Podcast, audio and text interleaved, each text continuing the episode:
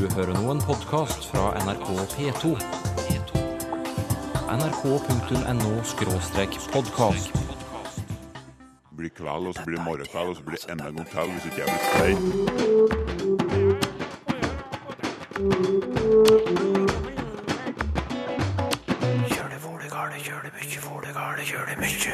En, ei og ett heter ikke lenger ubestemt artikkel. Da er det oppretta en ny ordklasse for disse ordene, og den kaller vi determinativ.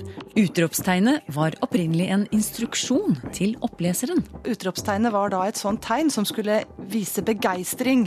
Og vi setter ordet banditt under lupen. Det å være lyst i bann og det å være utestengt fra kirkesamfunnet, det, det er den bannen.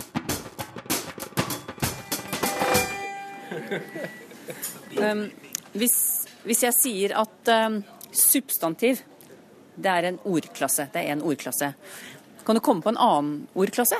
Adverb. Flere? Adjektiver. Men um, kan det tenkes at et ord kan bytte ordklasse? Slik at, et, slik at et verb ikke er et verb lenger? Det kan det sikkert, eh, men eh, jeg kan ikke komme på noe akkurat nå. Ja, hvordan er det egentlig, språkforsker Jan Christian Hognestad?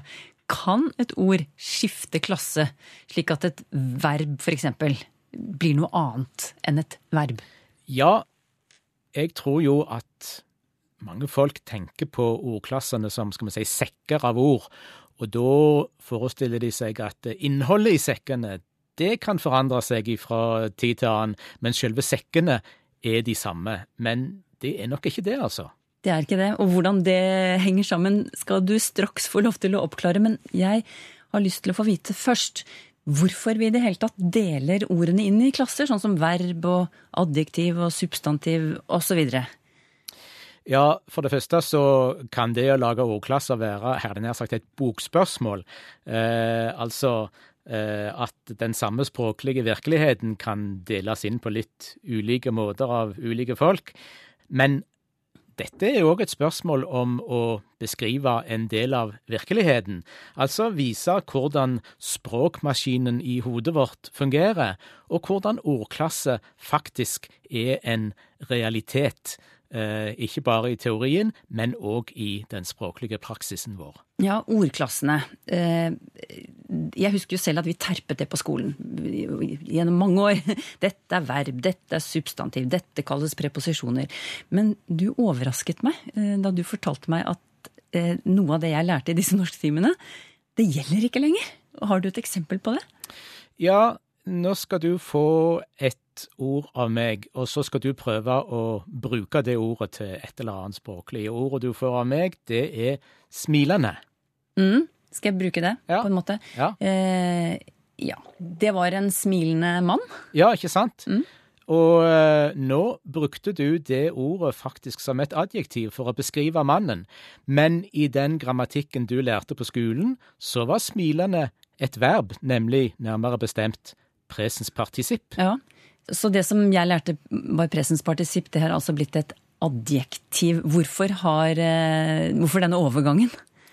Jo, da ser vi på, jeg hadde nær sagt, hva dette ordet stort sett driver med når det er på jobb i språket. Ja. Og da ser vi faktisk at det veldig ofte har det vi kan kalle adjektivoppgaver i språket, og faktisk ganske sjelden verboppgaver.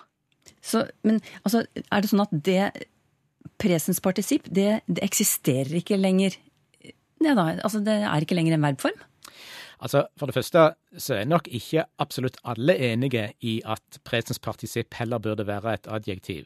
Eh, men eh, nye grammatikker sier nå allikevel det.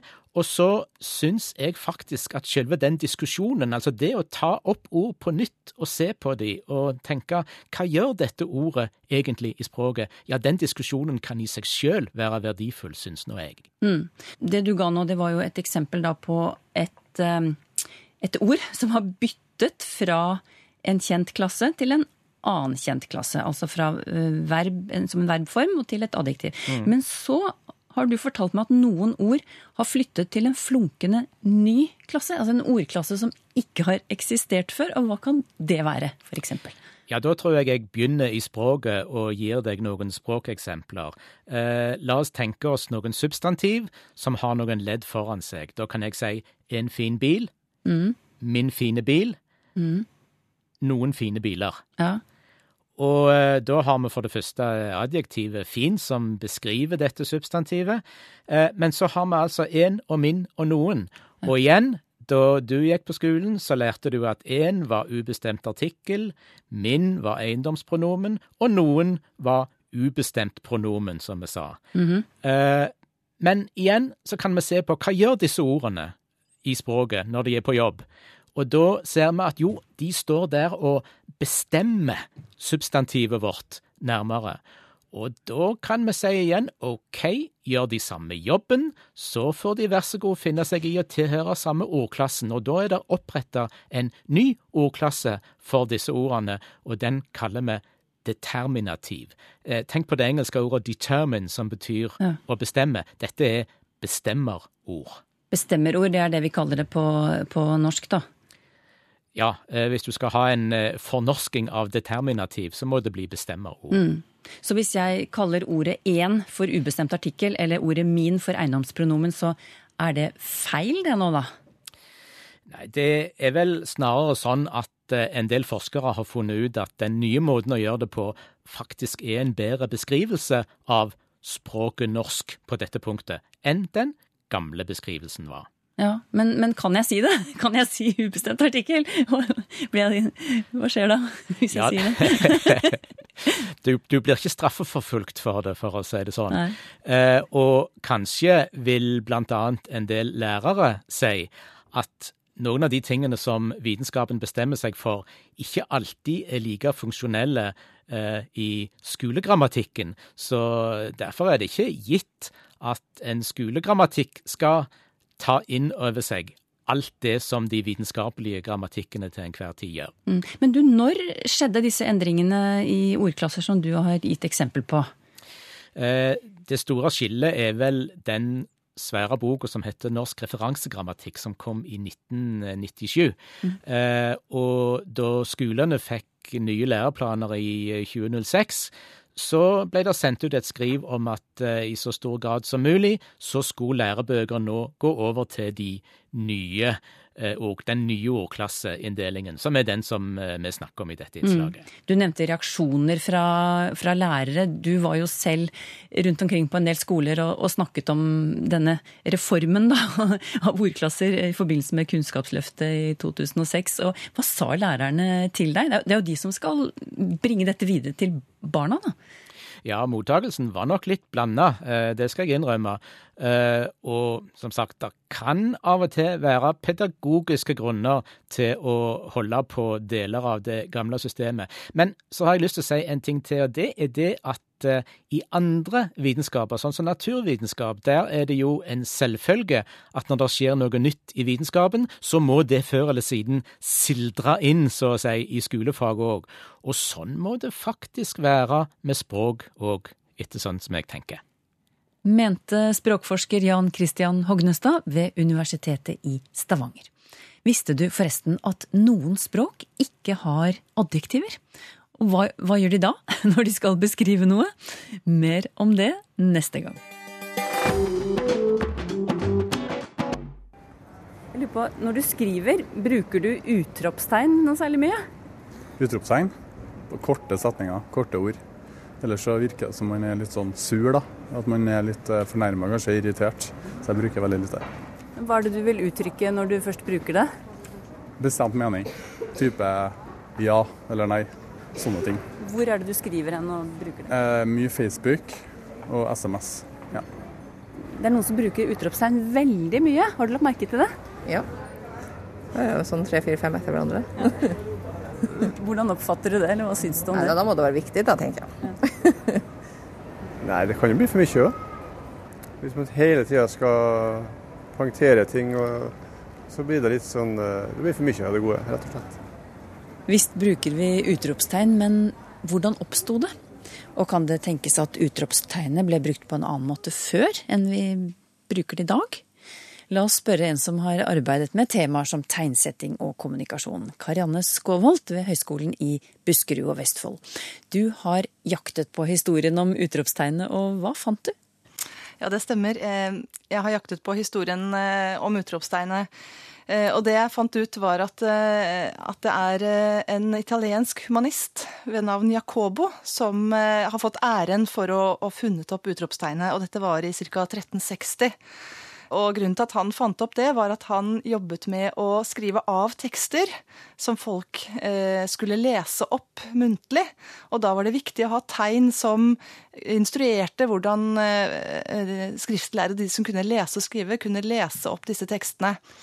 Og utropstegnet var da et sånt tegn som skulle vise begeistring i, i, teksten. Altså man kunne, et tegn som skulle skille utrop fra fortellende tekst.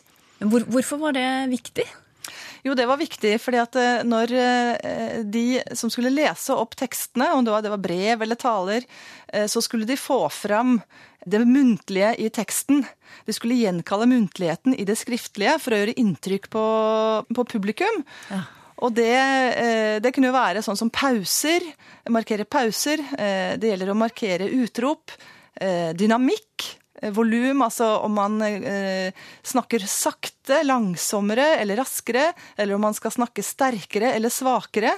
Og det er jo på samme måte som vi kjenner fra musikkstykker. I musikknoter så har vi også tegn som skal fortelle oss om vi skal synge i crescendo eller diminuendo, altså sterkere eller svakere volum. Og dette gjorde de faktisk altså, de som leste tekster på rundt 1300-tallet. Og det var jo for så vidt også helt fra 400-tallet, kan jeg lese i mine kilder, at ja, tekster ble lest opp på denne måten. Så så tegn, tegnene, ikke bare utropstegnet, men flere tegn, ble brukt for å markere disse ulike kvalitetene i taleflommen. Og eh, vi har jo, Skriftspråket spiller jo større rolle i dag. Så det forteller oss at talespråket og det muntlige og det nære i talen, lyden, var viktig. Hvordan man framstår og overbeviser ved hjelp av lyden og kroppen. Men, men dette begeistringstegnet da, som vi kaller utropstegn i dag, og som var da ett av mange tegn som skulle instruere oppleseren i hvordan teksten skulle formidles. Ja. Hvordan så det ut opprinnelig? Eh, det, jo, eh, det, er jo egentlig to teorier eh, for hvordan utropstegnet oppsto. Den første teorien er jo akkurat fortalt. Og det utropstegnet som Jacobo fant opp, det er en skråstrek, eller slash, som noen på engelsk kaller det. Skråstrek med en, en, prikk under. Men den andre teorien går ut på at utropstegnet startet som et gledesutbrudd. At det var en latinsk interjeksjon for glede. Og på, på eh, latinsk da så var det IO, eh, som eh, betyr hurra. Ja. Og dette IO det ble forenklet, sånn at I-en ble streken i utropstegnen, og O-en ble forminsket og ble prikken. Så det utviklet seg da til å bli utropstegn. Eh, ja, jeg stoler kanskje mer på den uh, første teorien da, Jak om Jacobo, men det er klart at det var mange som Det var jo flere enn han som satt og, og, diskuterte tegnsetting i disse kildene. Så her er det flere teorier. Og flere, her er det flere tegn, kanskje, som har oppstått samtidig for det samme som vi har i dag, utropstegnet. Ah, så han hadde ikke Si, det, var, det, var, ikke standard, denne skråstreken med prikken? altså? Det var, det var flere former for utropstegn? Ja, det, det, var flere former for tegn generelt også, som, eh, som eksisterte side om side. hvorfor, var, hvorfor det?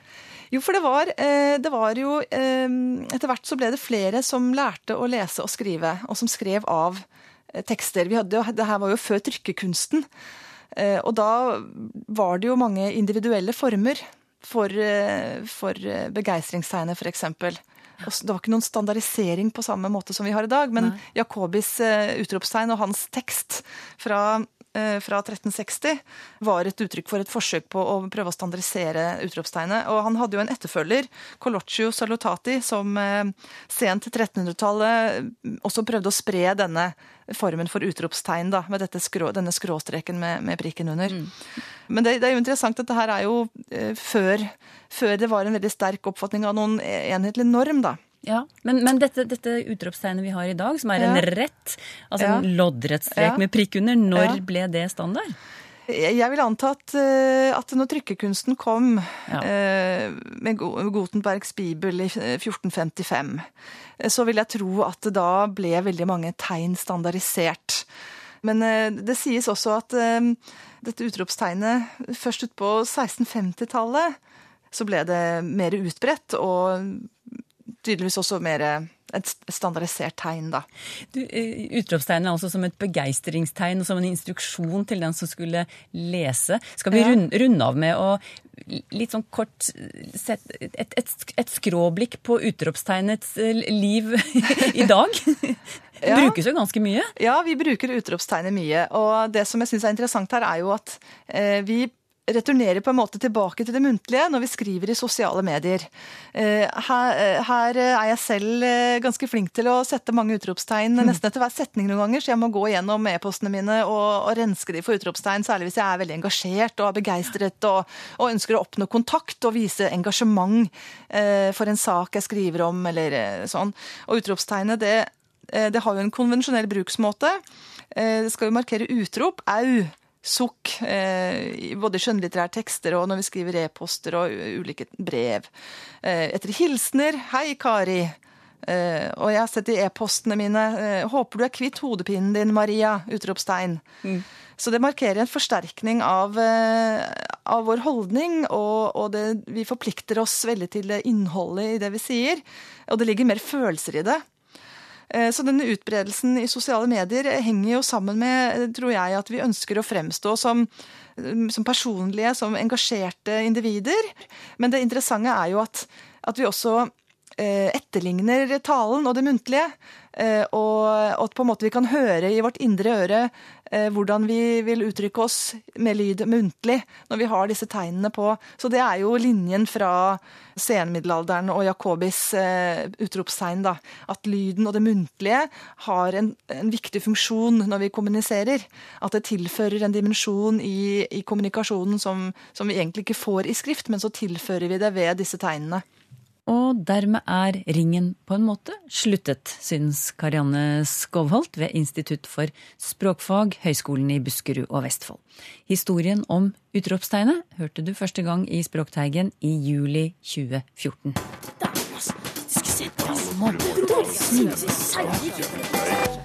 Lytterne spør, og vi svarer så godt vi kan, Toril Oppsal. Det gjør vi.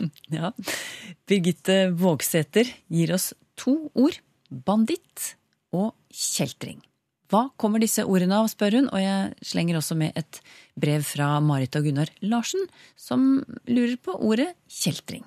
Eh, Vi kan jo starte med banditten. Banditt.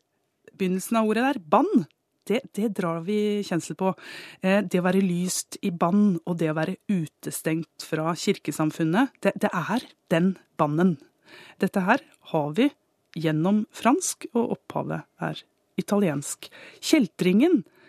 Her kan jeg ta feil, men jeg mener at dette faktisk er noe vi har fra frisisk, at det er et frisisk opphav. At keltring betyr landstryker, at det også finnes et verb som betyr å skjelle og smelle og kjefte på. Eh, Så at kjeltringen ikke er spesielt populær, det, det, det er jo noe som tyder på her, når eh, vi har å skjelle.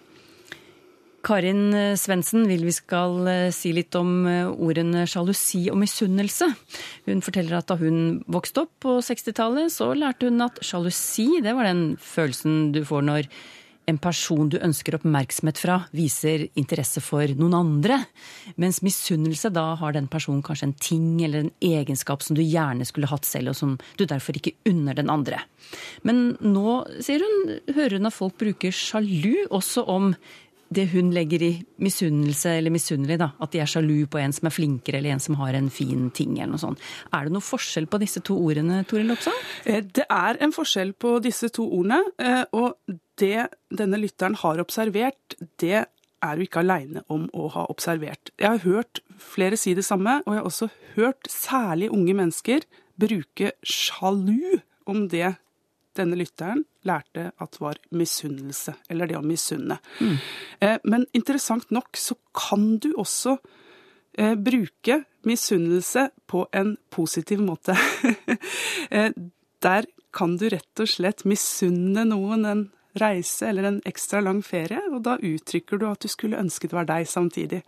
Og det gjør særlig unge mennesker også når de sier at de er sjalu. Men ordet misunnelse, altså misunne, det ligger jo noe negativt i det? At Mhm. Ja, jeg eh, tåler ikke at du, at du har det eller kan det? Eh, ja, du uttrykker også at du skulle ønske det var deg. Eh, den er tilgjengelig som en betydning av dette ordet. Men det er nok primært unne som har denne. For det å unne noen noe, unne, har et opphav som faktisk betyr å elske. Ja. Og det betyr jo ofte nettopp det å med stor glede la noen få noe. Mm. Men idet du også misunner noen, så kan du uttrykke at du skulle ønske det var deg. Du, du, jeg slenger på et brev her fra Camilla Linsholm, som tar opp noe av det samme. Hun sier vi mangler et godt ord for å unne, men samtidig uttrykke at man gjerne skulle vært i samme situasjon. Og mitt forslag, sier hun, er medsunnelse og medsunnelig. Altså, jeg unner deg det du har, eh, eller det du kan, og jeg skulle ønske at jeg var i samme situasjon. Eh, Jeg syns det er prisverdig at hun prøver å lage et ord, men den betydningen er allerede tilgjengelig i det å unne, og faktisk også det å misunne. Jeg tror ikke hun når fram, men jeg syns godt hun kan prøve. Så kan vi se om noen medunner etter hvert. Eirik André skriver Alle jeg kjenner spiser middag på ettermiddagen. Det høres jo veldig selvmotsigende ut. Og det gjør vel egentlig det, Toril Oppsal? Altså middag etter middagen.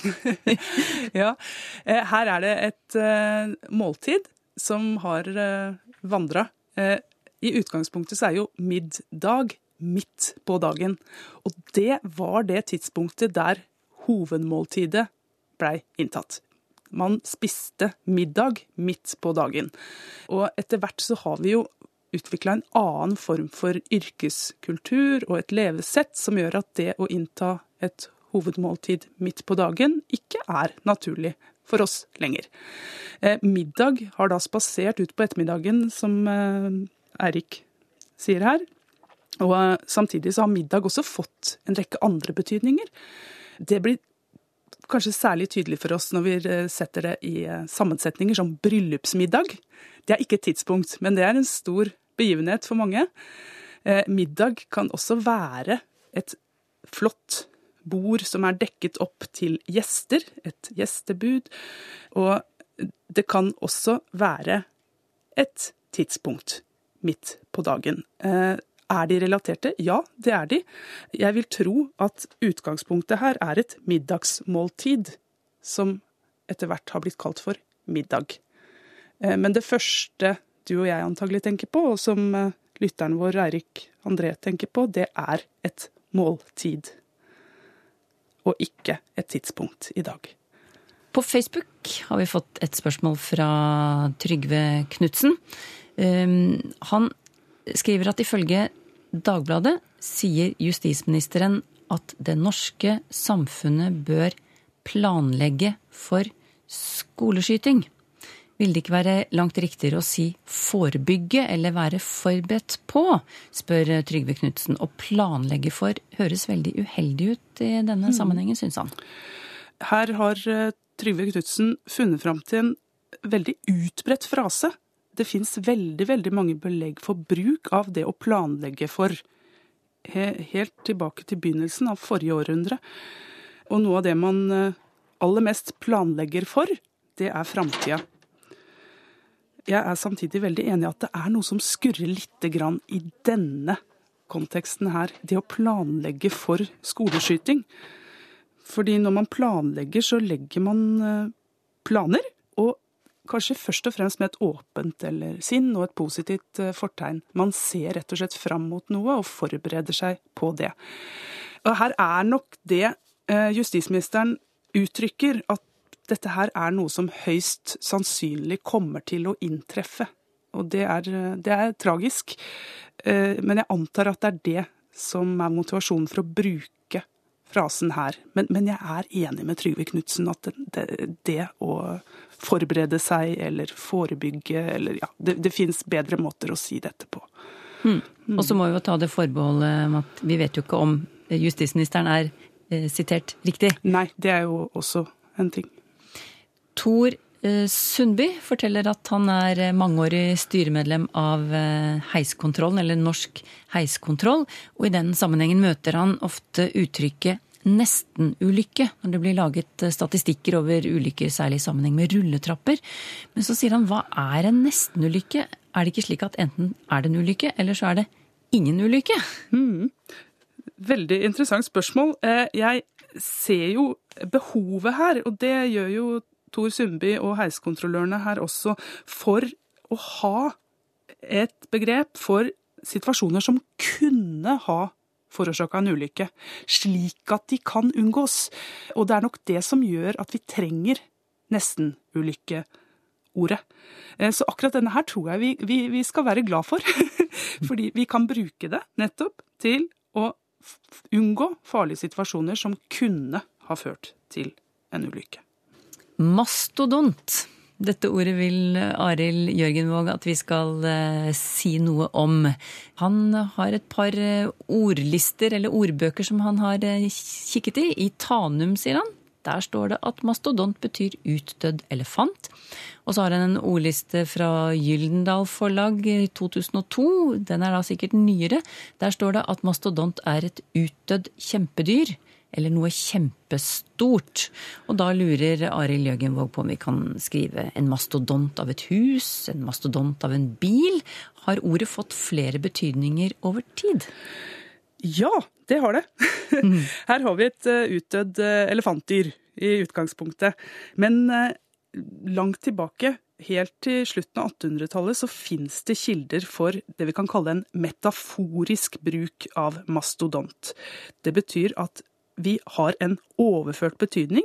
Og når man har en overført betydning, så tar man noe som er veldig påfallende eller karakteristisk ved utgangspunktet, og fører dette over til et nytt begrep. Men all betydning blir jo ikke med. Så det vil si at eh, Hva var det lytteren nevnte her? En mastodont av et hus. Det er et veldig, veldig stort hus, men det har ikke snabel for å si det sånn. Eh, så, så her er det det store, veldige, som da blir overført som en delbetydning til nye, nye begreper. Har du spørsmål til Språkteigen? Skriv til Teigen, krøllalfa nrk.no, eller til Språkteigen, NRK P2, 7005, Trondheim. Så finner du oss også på Twitter og på Facebook.